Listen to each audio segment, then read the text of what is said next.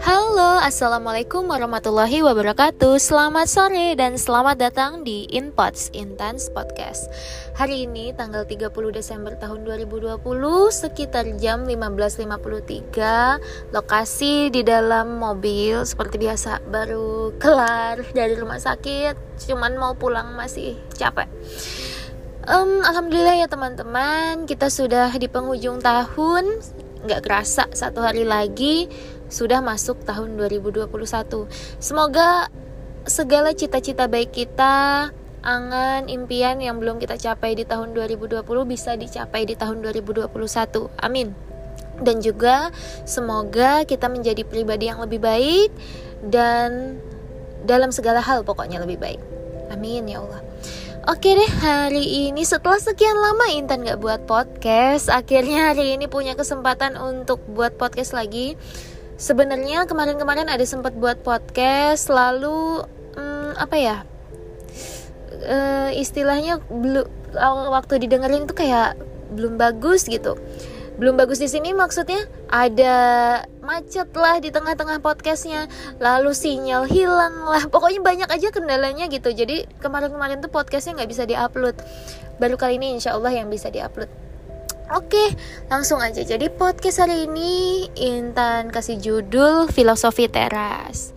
Mungkin teman-teman sudah banyak yang tahu lah ya sedikit banyak tentang filosofi teras. Jadi filosofi teras itu adalah judul sebuah buku uh, yang ditulis oleh Om Piring. Nama aslinya Henry Banam Piring. Jadi beliau itu membuat buku yang diadaptasi dari pengalaman beliau sendiri.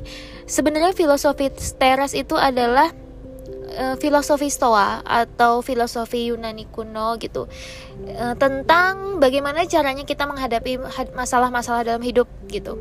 Nah, tapi kan kalau misalnya filosofi Stoa itu dia bisa dibilang ribet lah ilmu tingkat tinggi lah gitu. Nah sekarang sama Om Piring sudah dibuatkan uh, buku yang insya Allah uh, kalau Intan sih ya bacanya enak gitu ringan gitu. Dan mudah dipahami makanya Intan suka sama buku itu banyak pelajaran yang bisa diambil sih dari buku itu. Oke jadi kenapa kok tiba-tiba Intan mm, membahas soal buku filosofi teras dan lain-lain? Karena notabene kita sebagai manusia hidup bersosial um, menjalani hidup pasti ada masalah. Entah itu masalah sepele, masalah serius, masalah besar ataupun masalah kecil pasti ada. Hmm, mungkin sesepele misalnya kita mau mandi, lalu ternyata airnya macet, itu kan uh, termasuk dalam masalah ya, tapi masalah yang kecil gitu. Atau kita mau olahraga, kita mau keluar dari rumah, eh tiba-tiba hujan.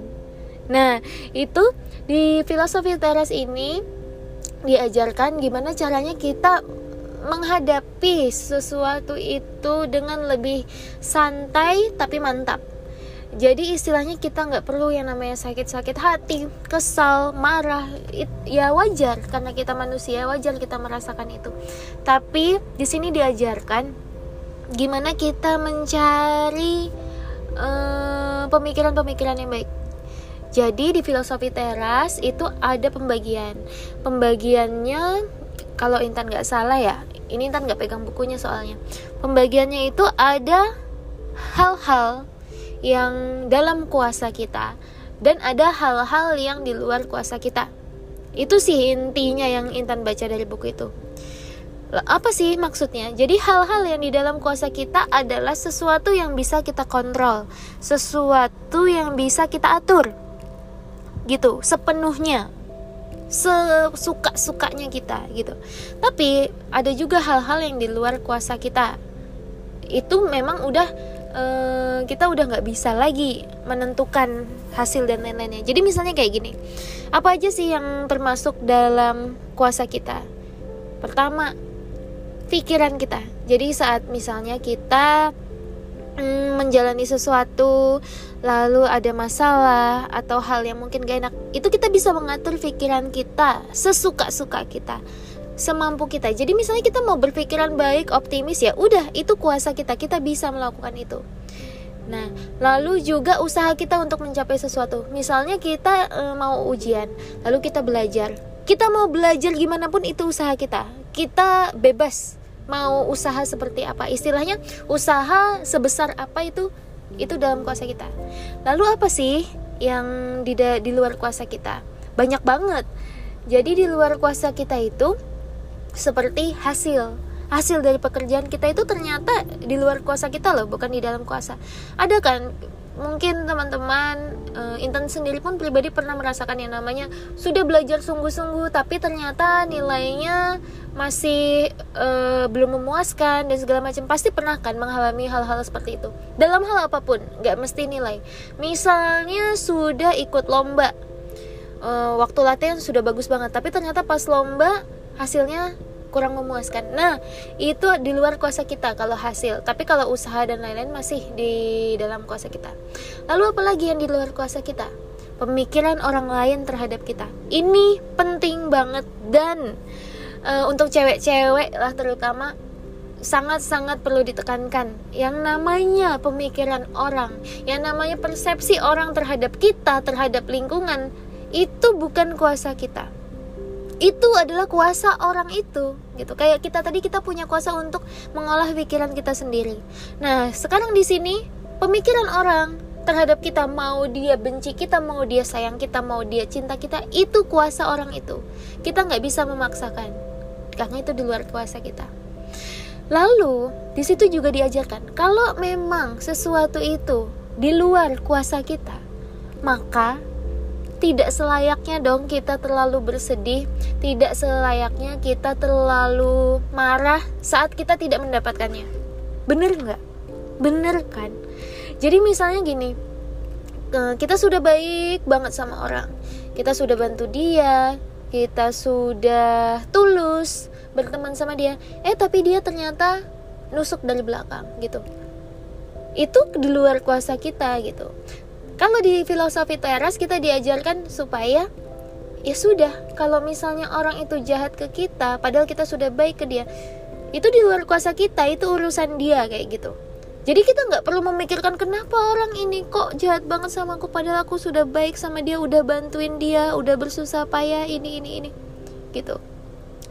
Tapi di sini kita juga tidak berarti pasrah. Pasrah dalam artian ya sudahlah ya sudahlah. Lalu terima mengikuti arus mengikuti ali apa air, mengalir saja gitu. Nggak juga gitu. Di sini kita juga ada usaha. Makanya tadi usaha itu di dalam kuasa kita. Intan banyak ngomong kuasa-kuasa ya hari ini. Nah jadinya hmm, mungkin teman-teman yang entah sekarang sedang sekolah kuliah bekerja pasti deh ketemu yang namanya teman, rekan kerja dan segala macam pasti ada deh nemu hal-hal yang nggak ngenakin. Eh, nggak uh, usah di dunia pekerjaan di dunia sehari-hari pun pasti ada lah ngeslek satu dua hal yang bikin hati uh gitu kesel gitu. Nah kita wajar bisa kita wajar merasakan itu karena kita punya emosi. Tapi gimana caranya kita mengolah pikiran kita supaya hati kita tetap tenang, supaya hati kita nggak sakit, supaya kita tidak terlalu marah gitu. Intinya adalah fokus pada hal yang dalam kuasa kita, gitu. Um, mungkin kalau bukunya yang bisa Intan simpulkan sih segitu aja lumayan singkat sih ya. Bisa dirangkum dalam 8 menit podcast ini. Oh 9 menit sekarang. Bisa dirangkum dalam 9 menit. Ya meskipun singkat semoga bermanfaat.